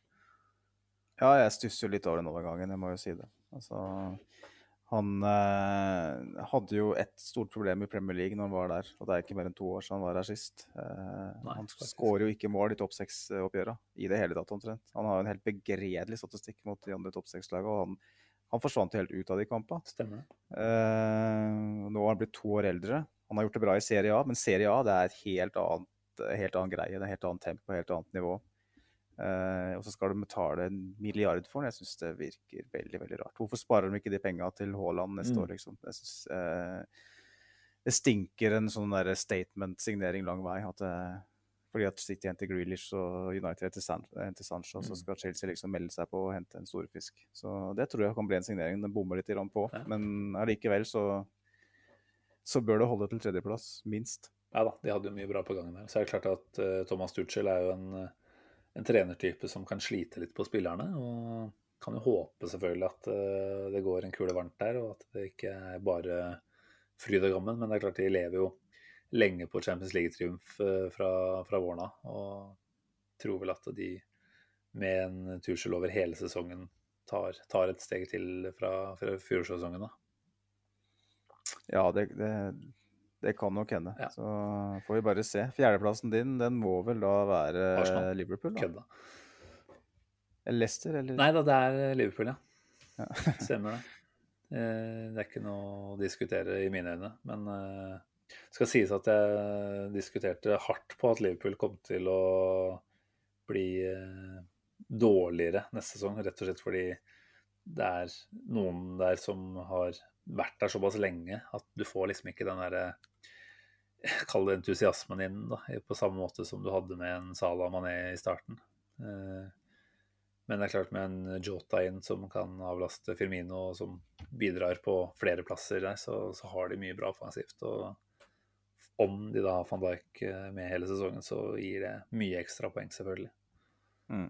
Så nei, jeg føler vel at topp fire er ganske satt i stein, og jeg tror ikke noen aviser eller eh, TV-kanaler som gjetter eh, eller tipper eh, tabellen, har noen andre topp fire-løsninger enn dette her, da. Men eh, Det er et dårlig tegn eh, Ja. for, eh, for de andre. Jeg har jo da åpenbart United eh, på fjerdeplass. Jeg anser dem for å være vårt lille, ørlille håp. OK. Eh, fordi jeg føler at eh, Ole Gunnar Solskjær taktisk sett ikke har det som skal til for å ta det aller siste steget. Jeg syns vi så det igjen i Europaligafinalen. Altså, her har du eh, Se på det laget han har, se på den stallen han har. Ja, han får inn Varan, selvfølgelig. Jeg tenker at det, det kan være en game changer, det. Eh, Jaden Sancho eh, ditto offensivt, men jeg føler jo at offensivt så har de for så vidt ikke hatt de største problemene. Det er mer kanskje hjemmekamper mot uh, antall saker i motstand, da, hvor det har vært litt vanskelig. Men uh, han er en nyttig spiller for det, men jeg føler at det United virkelig trenger, er jo en, en, ny, en ny spiss, en framtida. Uh, jeg er redd Haaland havner der til neste sommer, med tanke på at eh, Kane havner i City og Lukaku Chelsea, potensielt sett. Eh, eh, Lukaku er vel klar, da, men jeg tenker Kane til City er ganske sannsynlig. Og da sånn er, da er veien rydda for Solskjær og Haaland til gjenforening i, i Manchester. Men jeg føler at, og, og sånn sett kanskje lurt for dem å vente. Mm. Uh, men jeg føler at United er hvis, hvis det blir en litt sånn vanskelig start, da, eh, og United kanskje si de avgir poeng på hjemmebane mot et par sånne dumpekandidater, da, da starter murringa. Og nå er det folk på tribuna. Eh, du har en Pogba som er der og skaper litt støy, som de ikke blir kvitt, som har ett år igjen på, en, igjen på kontrakta, som man må prøve å inkludere på et vis. Mm. Jeg føler at United er det laget som vi må håpe på at uh, går på en sprekk, da. Eh, men jeg tror fortsatt at uh, Jeg tror fortsatt at, Ja, ja. at de klarer topp fire med ganske klar margin. Jeg håper jo selvfølgelig som deg, men jeg føler at altså, til tross for Solskjærs tilkortkommenheter på det taktiske, da, så ble han jo båret eh, av spillerne eh, gjennom fjorårssesongen. Og nå er det som du sier, det er en av verdens aller beste toppere som kommer inn. Eh, supertalent offensivt. Og de var på andre tross alt i fjor. Nei, jeg, føler meg sikker på at de er godt innafor topp fire og utenfor vår rekkevidde, dessverre. Det er blytungt, kjenner jeg, å tippe tabell uten å ha Arsenal oppi der, men sånn er det nå. Skal vi for å snu litt på, på det igjen, eh, kjøre fra niende og oppover, eller? Bare sånn at vi har eh, Arsenal-rosinen i pølsa helt til slutt? Ja, det, det er dine ord, men uh... Cirka til slutt, da. ja, Ja. vi kan godt gjøre det. Niendeplassen min, der har jeg Everton. Der har jeg Leeds. Ja, ikke sant. Der kom din. inn. Eh, på åttendeplass har jeg Aston Villa. Der er også jeg Aston Villa. Mm. Så da tipper jeg vi kanskje har samme syvendeplass òg. Der har jeg Tottenham. Ja, jeg også har Tottenham der. Ah, Det er deilig å ha de bak oss. Ja, det, det tror jeg det er en god sjanse for òg. Så, så får vi se hva som skjer med Kane osv. Men uh, Nuno Espirito Santos, som var, var 803. valget til Tottenham eh, på managerfronten, eh, tenker at det, Ja, nei, det er en klubb som er litt i, i villrede. Det Eh, er. Arsenal er det, kan, det sier mange om Arsenal òg, Mm. og det er vi kanskje på et vis. Men eh, jeg føler at av Nord-London-klubba per nå, så er Tottenham mer i, er den klubben som er mest i, i villrede. Mm. Og det er et håp om at den St. Tottenham Day som plutselig har blitt eh, eh, nærmest utopi de siste åra. det er fælt å si det. Eh, jeg tror den kommer nå. Enig i det.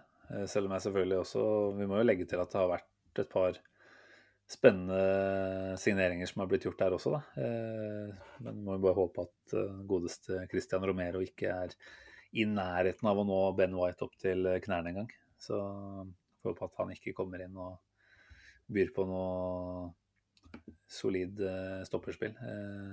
Vi får jo en styrke, test på styrkeforholdet mellom disse to allerede er det i femte serierunde eller noe sånt. Så det blir veldig interessant å se hvordan vi står, står til dem da. Tenker at det som skjedde nå i forrige treningskamp, kan vi ikke legge noe særlig vekt på.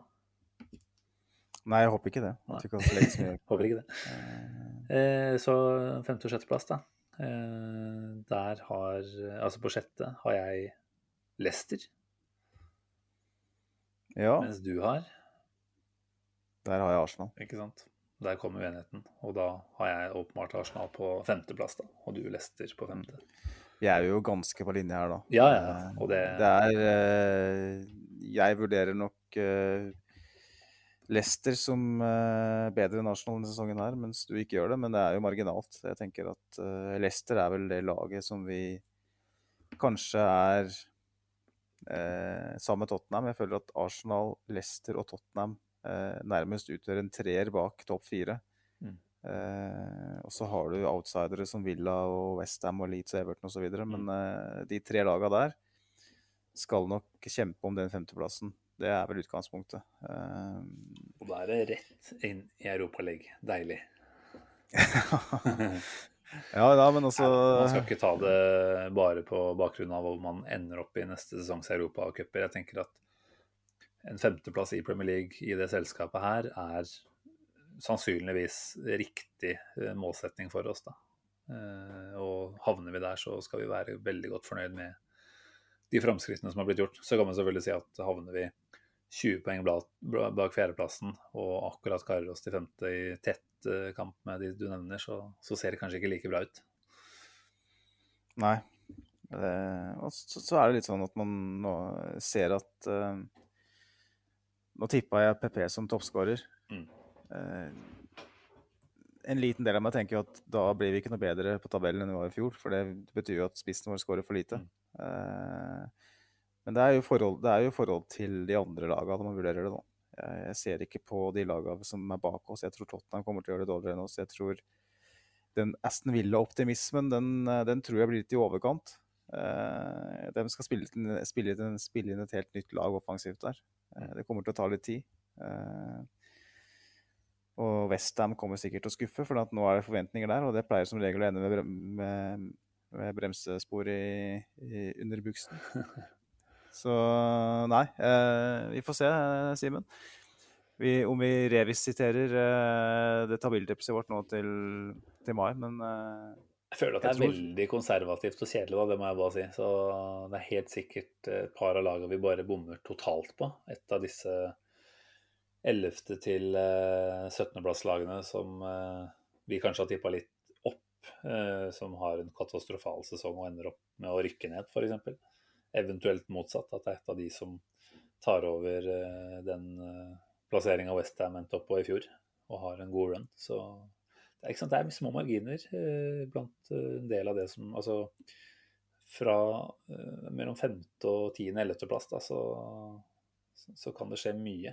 Eh, og vi kan selvfølgelig i verste fall bli forbigått òg av et par av disse her. Altså, nå har jeg ikke helt kontroll på hva Leeds har gjort på overgangsmarkedet, men en Bielsa bare henta en- én spiller, ikke ja, ikke Fire sant? på. Okay. Det er jo for så vidt betryggende å høre det, da. Men en Bielsa som har fått enda et år, det, det kan jo bety at det er et lag som er enda bedre drilla enn i fjor, og som skinner enda mer offensivt. Ja, og så ble de litt mer pragmatiske mot slutten av sesongen Mm. i fjor. ikke sant? Så de lærer jo dem òg. Og eh, for første gang eh, Så lenge jeg har fulgt såpass godt med, så jeg drevet og kikka på tabelltips. Så så jeg tabelltips på en eh, Var det et bettingselskap som hadde eh, publisert, en, publisert nå i dag? Hvor hadde Arsenal ned på tiendeplass. Det er første Ja. gang jeg har sett Arsenal eh, på ne eh, Altså ikke på nedre halvdel, men eh, så lav som tiendeplass, da. Det, og det var nærmest en slags Hva skal jeg si? En erkjennelse for å tenke at OK, vi er faktisk så langt unna nå at det er enkelte som tror at vi havner på tiendeplass Mm. her. Ja, man kan jo ikke komme unna at altså, mye av det som gjøres av eh, spådommer, er jo historisk betinga, og man tenker at vi er en så stor klubb, så vi kan jo i hvert fall ikke bli noe dårligere. Men altså, for et par-tre sesonger siden så var det jo helt utenkelig å tro at vi skulle havne på åttendeplass to år på rad. Og nå har vi gjort det. Og så er spørsmålet hvor, hvor eh, gode grep har vi tatt, og hvor mange flere grep eh, får vi, får vi gjort. Det er klart, Får vi en Ødegaard, så, så tenker jeg jo at det kanskje ikke automatisk gir mange ekstra mål, men jeg tror han igjen vil sørge for at eh, andre spillere skinner eh, i enda litt større grad. Da. Men han sitter jo og håper at, at, eh, at klubben har lært da, at man nå gjør de rette valga. At man ikke går på de der blemmene på overgangsmarkedet. Mm. Så så jeg, jeg satt og var litt sånn positiv i går formiddag, og så så jeg en tweet fra på Twitter. Ja, det er vel der tweetet kommer, er det ikke da? På Twitter. Jeg så en tweet fra Arsenals offisielle konto der det står 'Gratulerer med 33-årsdagen, William'. Og tenkte jeg å, fy faen, altså. Han har, to år igjen på kontrakta si. Det er bare ett år siden vi gjorde det, kanskje det, det aller dummeste den klubben her har gjort eh, i- på overgangsmarkedet i min tid. Så jeg prøver å holde meg litt i selen. eh, og det, det merker sikkert folk, at jeg ikke er så positiv alltid. Men det er en liten påminnelse om at eh, de har ganske mye jobb å gjøre for å rette opp eh, inntrykket og for å, å, å forsterke omdømmet sitt, for det er per nå jævlig svakt. Mm. Mm. Der setter vi stopp for denne spådommen her. Pass, passa jævla bra. Ja, veldig.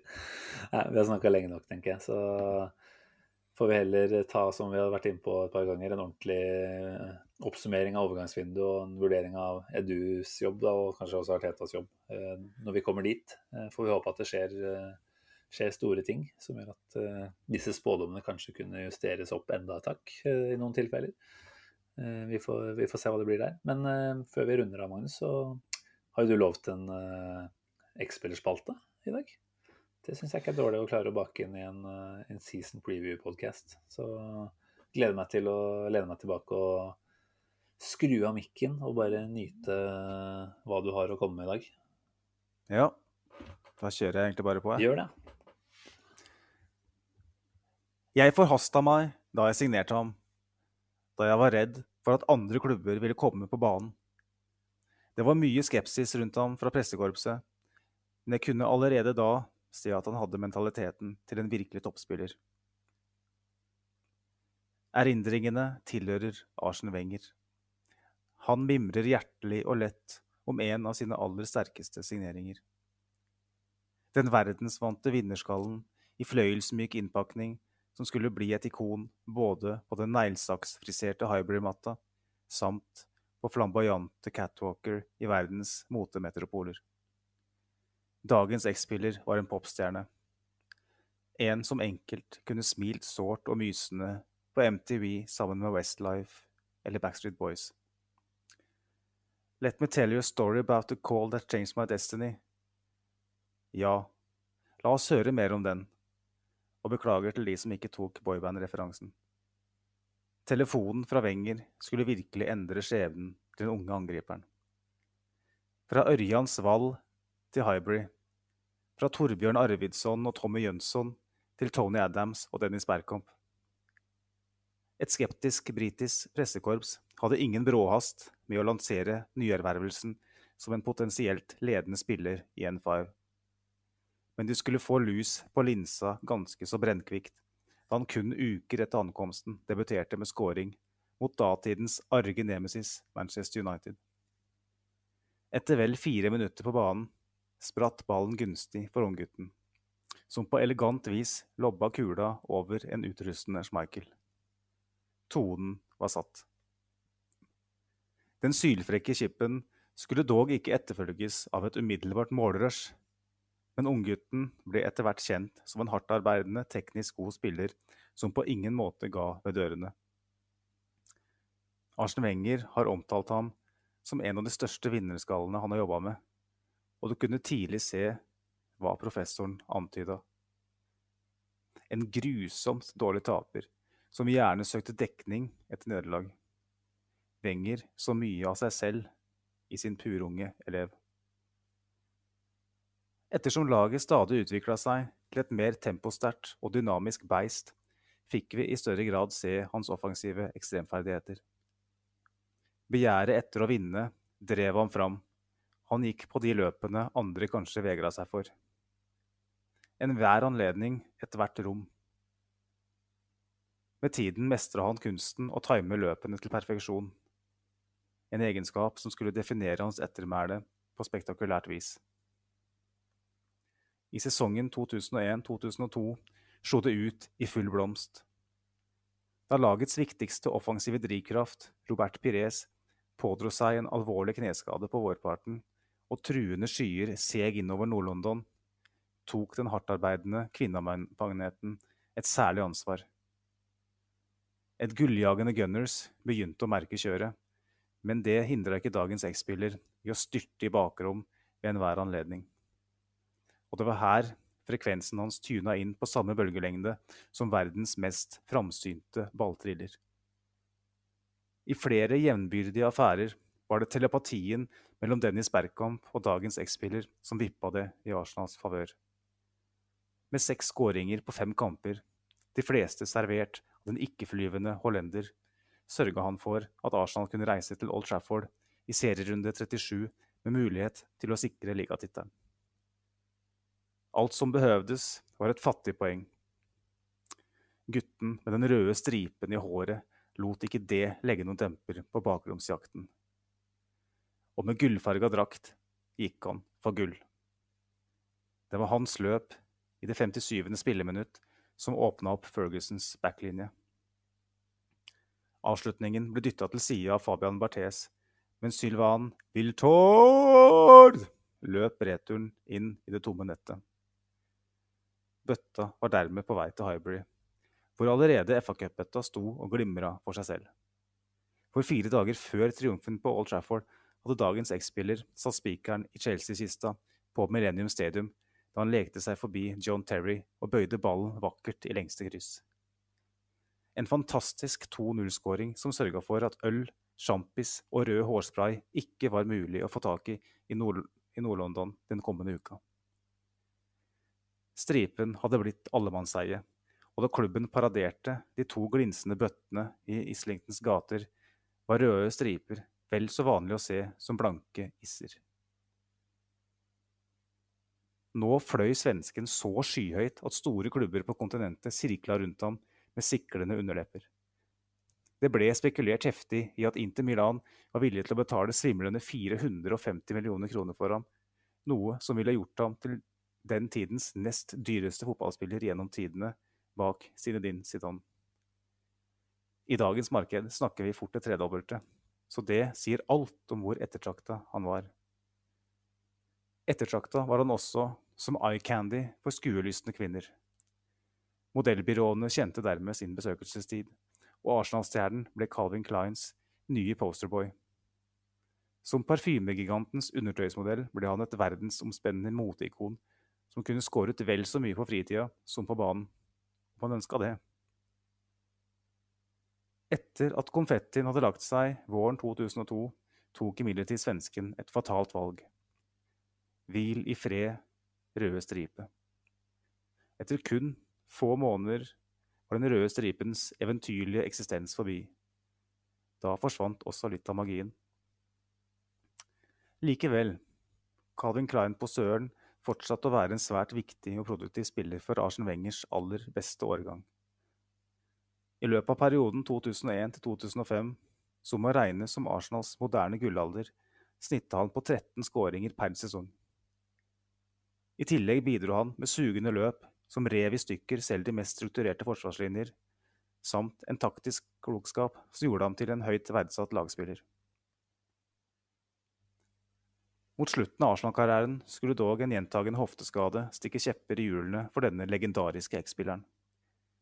I løpet av sine to siste sesonger skåra han kun fire mål på 62 kamper, og man kunne ane at svensken ikke lenger hadde fysikken til å være først på alskens av stikkere og nedfallsfrukt. Han forlot klubben sommeren 2007 som en invincible, med to ligatitler, tre FA-cuper, 325 kamper, 72 skåringer, tusenvis av gratis underbukser og evig ikonstatus hos både fotballsupportere og skuelystne jenter født på 80- og 90-tallet. Nok en gang kunne Arsen Wenger dele ut nystekte ydmykhetspaier til skeptikerne med kulepenn og kamera.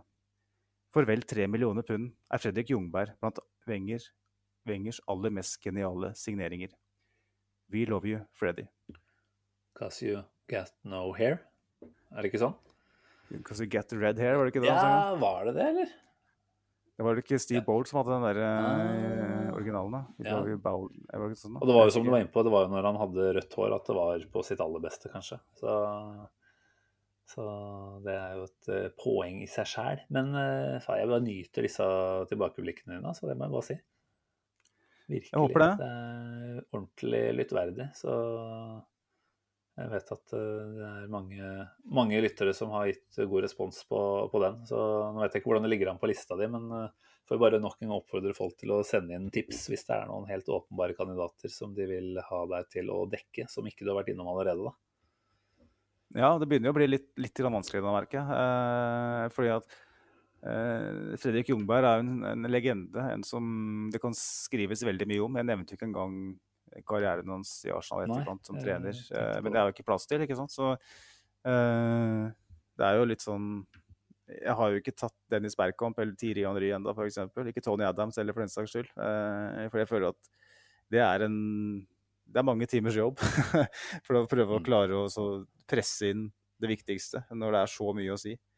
Eh, Det er klart, så- på en, eh, på en episode 49 som i dag, så, så gjøres i hvert fall med en Invincible. Så kan man selvfølgelig si at du kunne jo valgt ut en av de aller største på et sånn symbolsk tall som 49 tross alt er. Men uh, Men Jungberg er jo altså, ja, bak Pires, uh, Vieira, Bergkamp altså Det er så mange, da, Mm. men eh, han er jo virkelig en av de store. helt klart. Som heldigvis ikke fikk eh, tilsmussa ettermælet sitt eh, med den eh, lille gjeninntreden han hadde, selv om det ble en, et kort opphold. Eh, så følte jeg liksom at eh, greit nok, resultatene gikk ikke helt dit de skulle heller med han bak roret i den korte perioden, men, eh, men det var jo mest av alt omstendighetenes eh, feil, tenker jeg. Så Ja. nå er han vel i, Eh. er han tilbake i Sverige i noen svensk klubb, eller er han helt uh, ferdig, ordentlig på pause? Ja, For han gikk vel til Sverige etter Arsenal, var det i Malmö han gikk til? Ja, jeg husker jeg husker i hvert fall de skrev jo det at han ville ja, etter eh, ja, prøve å få sin egen karriere, da. Eh, så har vel kanskje det gått litt grann trått enn så lenge, men eh, godt mulig at Ja, det, er en, det er en jobb for han der ute. ja for det, han gikk jo Det ble jo litt spekulert i hva som årsaken var, men jeg finner lite informasjon om det, så det spørs om han kanskje har uh, litt av pause nå. Vi bare inviterer han til poden, og så finner vi ut av det her. Dette går bra. Det hadde vært noe. Han, han, han forstår jo hva vi sier også, så det hadde jo vært litt kult om han kunne eh, Det er kanskje den første X-spilleren jeg har lagd som faktisk skulle, ville forstått hva jeg har sagt der. Så, Ja, eh, det var vel eh, vel håpfull når vi antyda at det kunne være en mulighet. Jeg tviler vel på det. Ja, ja. Det er klart vi, vi får stadig vekk med noen, eh, noen profiler her, så vi skal aldri si aldri. Men eh, bra, bra levert igjen, Magnus, som alltid. Fin, eh, dette føler jeg på en måte var en eh, god note å, å avslutte på inn mot seriestart. Da. Nå har vi jo for så vidt en, en liten ekstra Brentford-preview eh, som kommer ut eh, et par dager før, før kamp. Men eh, Jeg føler at med Jungberg her nå, så etterlater du meg med en sånn god følelse før fredagen. Det var godt å høre, Simen.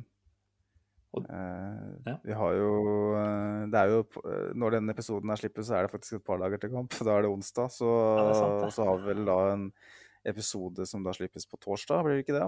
Eh, Der har du telt riktig, ja. Det er jeg som bommer, bommer litt Så da blir det jo to episoder på, på to dager, da. Så da Luksus. Da håper jeg folk tar seg fri fra jobb og setter seg ned og lytter. Nei, ikke gjør det. Ikke gjør det. Ikke kast bort eh, livet totalt. Men, eh, men putt oss gjerne i øret mens du sitter på do og trykker. Det, der føler jeg at vi hører hjemme, i hvert fall. Nei da, det var, det var eh, underspilling av dimensjoner. Jeg var altfor ydmyk. Vi er, vi er gode, Magnus. Det må jeg si. Men det må jeg også si til lytterne som faktisk er med gjennom disse episodene, at dere er gode, dere òg. Vi setter veldig, veldig pris på å ha med folk gjennom disse ofte ganske langtekkelige episodene. Men betyr det at vi skal eh, runde av, eller? Nå er det gått, eh, godt med tid, så jeg begynner å bli trøtt. Tenker at Ja, hvis vi det- skal få den ut eh, i løpet av Ja, sånn at den ligger klar i morgen tidlig, så, så er det kanskje greit å si at det er bra for i dag. Ja, jeg tipper det er greit. Ja. Jeg kjenner at det begynner å bli litt vel mye volum under øya her med, i form av poser, så da tenker jeg vi kan eh, Få deg skjønnhetsøynene dine nå.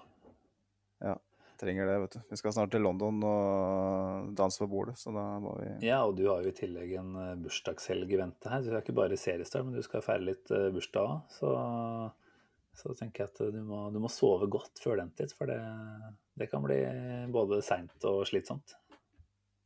Ja, det kan godt hende at det havner både på legevakt og så videre. Eh, Jeg, jeg, jeg gruer meg litt til en eh, sånn, eh, sånn rotbløyt, så vi får sove litt, jeg. Det betyr at det blir spennende å se når vi ender opp med neste episode her, da. Altså Brentford-kampen er vel historie og vel så det, før vi orker å sette oss ned med Eller før du orker å sette deg ned med en nyinnspilling. Så det, Det blir, nok, det blir nok ikke noe den uh, fredagen, lørdagen eller søndagen, nå, eh, tror jeg ikke. Håper at folk eh, kan sutte på karamellen som de tre poengene er, først og fremst. da. Så får heller en, en ekstra episode med oss uh, bli en bonus i ettertid. Yes, yes. Yes. Nei, men uh, igjen, takk til alle lyttere. Uh, takk for at dere putta oss i ørene. Takk for at dere følger oss på Twitter og på Facebook og kommer med meldinger og spørsmål og reaksjoner og hva det enn måtte være. Eh, nå var vi jo ikke ute og fiska etter eh, temaer akkurat til i dag, for vi følte vel at det, det var greit å bare holde, holde det gående på egen hånd. Men eh, til vanlig så ønsker vi jo veldig gjerne at dere er, er med og, og kommer med egne innspill. Så blir podene her veldig, veldig mye bedre. Så ja, nei, men takk for følget i dag, og så høres vi igjen om ikke altfor lenge. Ha det bra. Ha det.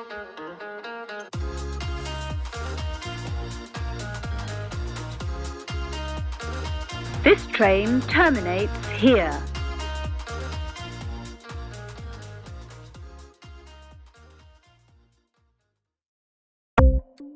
Ukens annonsør er HelloFresh. HelloFresh er verdens ledende matkasseleverandør og kan være redningen i en travel hverdag. Mange av oss har nok vandret i butikken både sultne og uten en plan for middagen, som ender med at vi går for de samme kjedelige rettene gang på gang. Middag burde være dagens høydepunkt. Som HelloFresh kan du nå velge mellom 25 ulike retter hver eneste uke, eller få HelloFresh til å sette sammen menyen for deg. Dette gir deg muligheten til å prøve nye og spennende retter alene eller sammen med familien. Du velger antall porsjoner og får alt levert på døren på et tidspunkt som passer for deg.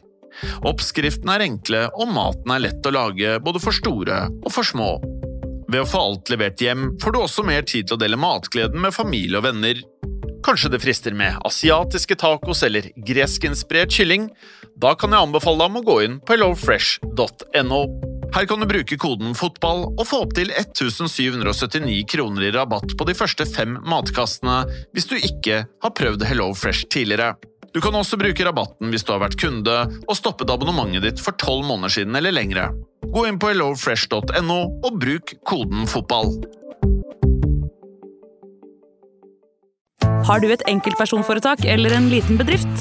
Da er du sikkert lei av å høre meg snakke om hvor enkelt det er med kvitteringer og bilag i fiken, så vi eh, gir oss her, vi. Fordi vi liker enkelt. Fiken superenkelt regnskap.